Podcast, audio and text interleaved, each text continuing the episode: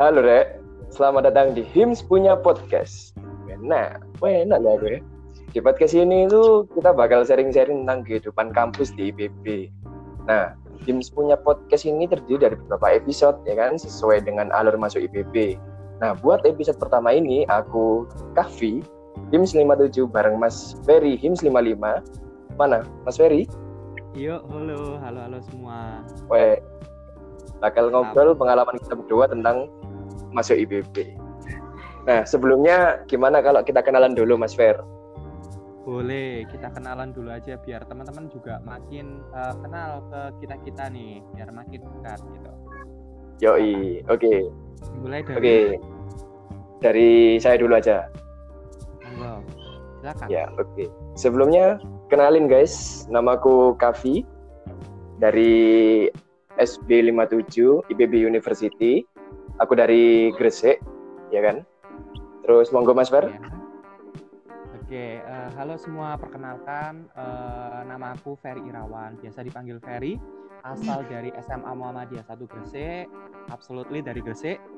Terus uh, jurusan di kedokteran hewan atau biasa disebut area IPB nyebutnya FKH atau Fakultas Kedokteran Hewan. Satu kesatuan ngono. Oke, ternyata Mas Ferry dari FKH ya guys. Nah, Mas Ferry ini uh, gimana nih kabarnya nih Mas? Lagi sibuk apa juga? Oke, uh, alhamdulillah sehat-sehat sentosa iki nang Gresik. Kemarin uh, sempat sakit cuman uh, ternyata cuma batuk pilek biasa sampai panas biasa. Soalnya ngobati dewe arek FKH. ya tapi duduk obat kucing ya, bukan obat kucing atau obat anjing gitu. Iya, bahaya Mas. Iya. Bahaya dong. oke, oke, oke. Nah, Mas, Mas Ferry ini kan masuk eh masuk ke FKH. Nah, itu lewat jalur apa, Mas? Nah, aku dulu itu masuknya jalur SNMPTN atau dikenal juga jalur rapor. Kayak gitu, Kavi. Oh, jalur rapor. Itu SNM itu tak lihat-lihat ya, sawangannya itu arek itu wis bocah-bocah pilihan ngono Mas. Nah itu lek menurut sampean niku SNM iku angel lah Mas. Oke. Uh, Tapi iku iku angel. Kalau dibilang sulit itu relatif sebenarnya. Karena kita nggak tahu uh, penilaian sebenarnya uh, untuk SNMPTN sendiri. Aku dulu juga ngeraba-raba gitu. Nah, untuk penilaian sendiri aku dulu juga sempat kayak ngumpul-ngumpulin data. Jadi teman-teman nih, adik-adik uh, pejuang PTN 2021, kalian kalau pengen banget dapetin uh, jalur SNMPTN ini kalian harus mulai aktif-aktif untuk cari tahu nih kira-kira mau masuk di PTN mana? Satu. Yang kedua PTN mana yang sering uh, kakak tingkat kalian itu tujuh gitu yang lulus gitu yang lulus SNMPTN dulunya gitu. Itu paling penting banget basic kalian harus tahu itu dulu. Untuk sulit atau tidaknya relatif karena SNMPTN sendiri panitia LTMPT sekarang ya LTP kalau dulu panitia SNMPTN kalau aku dulu itu juga nggak ngasih nggak ngumumin uh, kriteria mereka parameter mereka untuk menilai uh, menjaring mahasiswa ke perguruan tinggi lewat jalur SNMPTN ini gitu karena kalau kata orang-orang sih biasa ya itu itu jalur giveaway gitu kalau menurutku sendiri itu bukan jalur giveaway benar-benar itu karena struggling banget untuk mendapatkan SNMPTN itu. Aku mengeluarkan, eh, aku kayak me mencari data-data SNMPTN itu, gitu. Jadi aku menemukan kayak ada sih kayaknya faktor yang berpengaruh di SNMPTN itu. Ada empat menurutku ya, menurutku tapi ya, tapi nggak tahu ini benar-benar parameternya LTMPT atau enggak. Yang pertama itu nilai rata-rata rapot itu pasti gitu. Nah, yang paling sering ditanyain sama teman-teman nih biasanya angkatan uh, kelas 12 baru-baru ini apakah nilai rapot itu harus nilainya itu naik terus gitu itu jawabannya enggak karena nilai rapotku juga itu dulu di semester 3 ke 4 itu juga turun. Jadi nggak apa-apa gitu loh. Asal kalian bisa menaikkan lagi nilai rata-rata rapot kalian. Kayak gitu catatannya. Yang kedua adalah prestasi. Prestasi itu juga penunjang gitu. Tapi bobot paling uh, real paling benar-benar berat itu adalah di nilai rata-rata rapot fokusnya panitia SNMPTN itu yang kedua prestasi yang ketiga akreditasi sekolah kalau bisa akreditasi sekolah kalian uh, udah ada gitu loh namanya di kampus itu gitu loh yang terakhir jumlah alumni. Nah, itu menentukan banget kalian bisa masuk di lolos di SNMPTN. Karena gitu, tiap-tiap PTN itu ternyata punya kriteria tersendiri gitu loh. Maksud, kriteria di sini itu kayak untuk SMA gitu loh. Misalnya SMA di Gresik, itu SMA, contoh lah SMA Muhammadiyah satu Gresik. Itu tiap tahunnya mereka itu punya um, apa itu kriteria untuk memasukkan mahasiswanya gitu loh ke IPB gitu. Jadi uh, ada kuota tersendiri gitu dan ada penilaian tersendiri spesifik ke tiap-tiap sekolah, tiap-tiap SMA. Aku dulu mengumpulkan uh, beberapa uh, kemungkinan-kemungkinan faktor-faktor yang bisa gimana sih caranya lulus. Nah, aku menemukan fakta-fakta itu ternyata yang menunjang banget ketika kalian uh, daftar SNMPTN. Kayak gitu, Kavi. Oh iya, Mas. Tapi yang terpenting kan balik lagi ke uh, apa ya calon mahasiswa baru nih buat masuk ke univ mana fakultas mana sesuai yang passion mereka gitu ya mas ya yang penting itu ya mas ya. oh jangan sampai banget. Nah ini tengah-tengah gitu ntar keluar gitu kan akhirnya ngaruh juga gak sih mas ya ke sekolah gitu kan? Betul. Nah itu itu berkaitan sama blacklist nih biasa gitu. Nah kalau kalian nggak ngambil biasa gitu blacklist itu ternyata ada dan itu benar-benar real uh, eh, PTN itu bisa memblacklist uh, apa ya sekolah kalian. Kalau misalnya kalian nggak masuk atau nggak daftar ulang lah istilahnya uh, melanjutkan di PTN itu. Jadi hati-hati untuk pilihan kalian. Benar-benar yang sesuai passion kalian yang sesuai dengan jurusan yang kalian minati. Wah, berarti beneran di blacklist ya mas ya? Gak main-main berarti universitas itu? Ya universitas itu benar-benar kayak menjaring mahasiswa itu benar-benar pilihan gitu loh. Orang ini berarti kalau kamu berhasil masuk di IPB di misalnya di UGM di UI berarti kalian itu benar-benar pilihan di antara ribuan bahkan ratusan ribu uh, mas calon mahasiswa pelamar gitu yang masuk ke PTN itu. Tuh jadi kalian jangan sampai menyia-nyiakan golden ticket kalian itu. Itu Nah itu guys, jangan sampai disia-siakan. Udah dapat golden ticket nih, masa disia-siain. Nah untuk Kavi sendiri nih, kalau boleh tahu dari jalur apa kalau boleh tahu nih Kavi? Oh kalau aku sendiri tuh dari ini Mas Mandiri yang ketua osis. Oh jalur ketos nih. Iki uh, ini jalurnya menarik nih di IPB ini karena IPB ini salah satu pionir untuk jalur ketos. Nah, tapi boleh diceritain nih kira-kira uh, gimana struggling dari Kavi masuk di jalur ketos, perjuangan jalur ketos, terus persyaratan mungkin atau ada uh, penilaian khusus untuk jalur ketos nih. Boleh diceritain nih ke adik-adik uh, kelas 12 nih angkatan Oke, jadi dulu pertama kali itu tahu ada jalur ketua OSIS itu dari kampus Expo di SMA. Terus mulai tanya-tanya tuh ke kating-kating yang ada di sana, persyaratan dan semacamnya. Uh, akhirnya udah tahu nih beberapa persyaratannya kayak uh, input nilai semester 1 sampai semester 5. Itu ada minimalnya kalau nggak salah 85 dulu.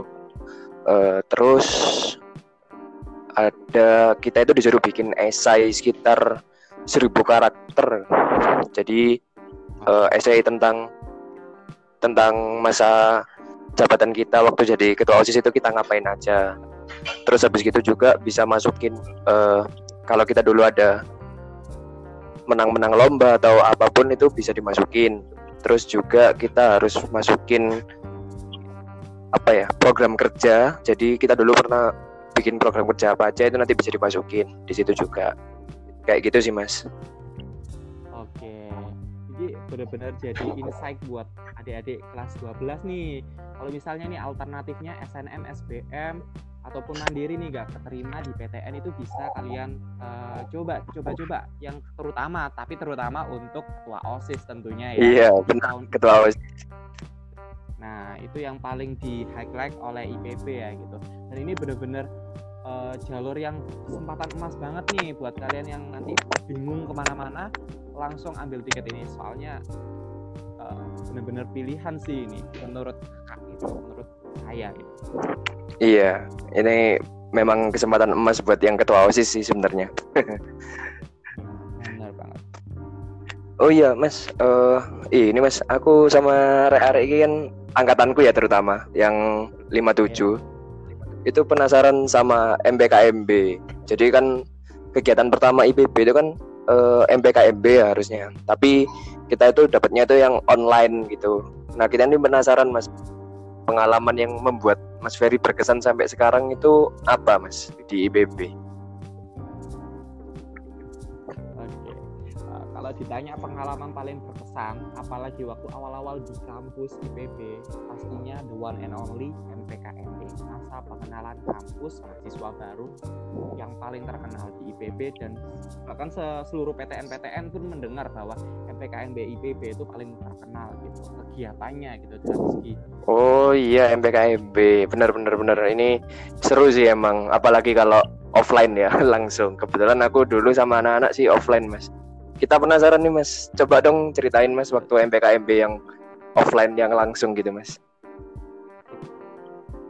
Oke, kalau MPKMB ya, kalau di zamanku ya, atau di zaman-zaman 56 atau kalian online 57 ya. Gitu.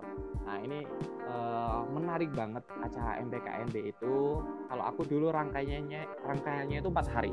Hari pertama itu benar-benar difokuskan untuk opening, kita masuk pertama kali di IPB itu di gedung yang paling bersejarah banget anak-anak IPB pasti tahu namanya GWW atau Graha Widya Wisuda. Nah, ini benar-benar gedung paling uh, bersejarah ketika kalian menjadi mahasiswa IPB karena apa? Karena kalau ketika kalian masuk pertama kali jadi mahasiswa baru, kalian masuk di GWW ini. Dan juga ketika kalian lulus, kalian di wisuda, ini juga di GWW ini. Jadi benar-benar uh, historical banget nih uh, gedung ini. Nah itu pertama opening benar-benar uh, dulu itu mendatangkan pembicara yang luar biasa, pembicara yang uh, terkenal dulu itu kalau nggak salah uh, Bapak Khairul Tanjung ya, kalau nggak salah nih ya uh, zamanku itu. Aku sudah lupa ya soalnya pengalaman dua tahun yang lalu soalnya pembicara yang keren, opening yang keren sampai uh, satu kata sih terpukau waktu MPKMB sendiri. Itu kita dihadirkan di tribun terus di kanan kiri itu udah membaur semua mahasiswa baru semua yang notabene kita nggak saling kenal dan berasal dari 34 provinsi yang berbeda dengan bahasa yang berbeda. Itu benar-benar uh, kayak amazing gitu kayak uh, udah nggak bisa kata-kata ketika MPKMB itu. Nah yang paling berkesan lagi di MPKMB adalah ketika uh, ini dua ketika kalian eh ketika aku dulu um, di um, ketika ketika bikin rekor satu itu benar-benar uh, pagi hari dan itu bersejarah banget menurut uh, aku karena uh, dengan rekor itu kayak benar-benar melambungkan IPB itu. Jadi kayak teman-teman aku dulu yang tanya gitu loh kenapa masuk IPB kenapa masuk IPB aku bisa jawab karena IPB itu unik karena kita kemarin berhasil memecahkan rekor gitu. Inilah IPB gitu dengan ciri khasnya gitu, signaturenya IPB kayak gini. Kita selalu uh, menghadirkan uh, world record untuk mahasiswa baru gitu. kita benar-benar dihormati sebagai mahasiswa baru. Selain itu juga uh, yang paling berkesan lagi ketika MPKMB adalah hari terakhirnya closingnya itu kita, kita benar-benar kayak konser kayak benar-benar dibawa dengan nuansa yang uh, luar biasa. Kanan kiri itu kita pokoknya luwes lah. Kita bisa dance kita bisa apa itu bareng-bareng gitu. Kayak gitu sih waktu closing itu benar-benar berkesan. Ketika MPKMB sendiri. Jadi kayak uh, tidak terlupakan itu MPKMB kalian benar-benar nyesel banget gak bisa uh, ikut MPKMB Coba itu pengalaman yang paling keren keren keren keren. ini ya. jadi iri saya ini sama yang lain. Itu iri gitu. Nggak apa-apa. Tapi tak denger dengar ya kayaknya MPKMB 57 juga ada inovasi baru ya. Itu ada sampai oh, game game iya, iya. itu bisa diceritain nggak?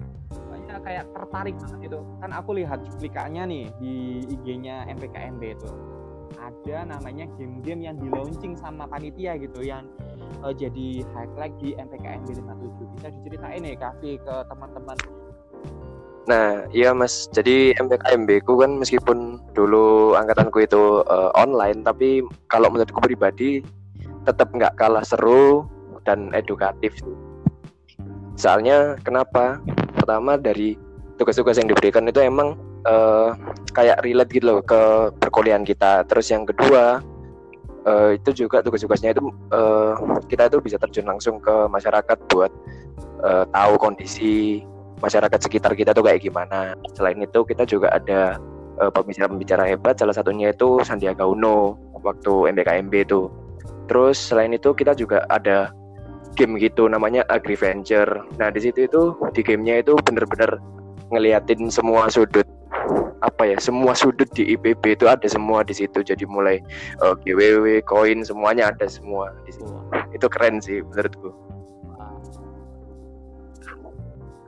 Ah, menarik banget. Menarik sumpah menarik menarik penting game ini menarik dan ini harus dikembangkan lagi gitu supaya game-game kayak gini ini uh, bisa uh, mengeksplor IPB nanti ke depannya. Nah itu tadi obrolan uh, aku dan Kavi mengenai uh, jalur masuk, awal masuk perkuliahan di IPB. Nah gimana adik-adik dan teman-teman semua, semakin penasaran kan dengan IPB University? Nah, kalau gitu eh, jangan lewatkan kesempatan adik-adik untuk mengenal IPB University nantinya di episode-episode HIMS Podcast berikutnya. Dan juga ada good news nih untuk teman-teman semua, bisa banget ikutin canvassing HGTS 2021. Oleh karena itu langsung aja teman-teman bisa cek info selengkapnya di IG at HGTS 2021.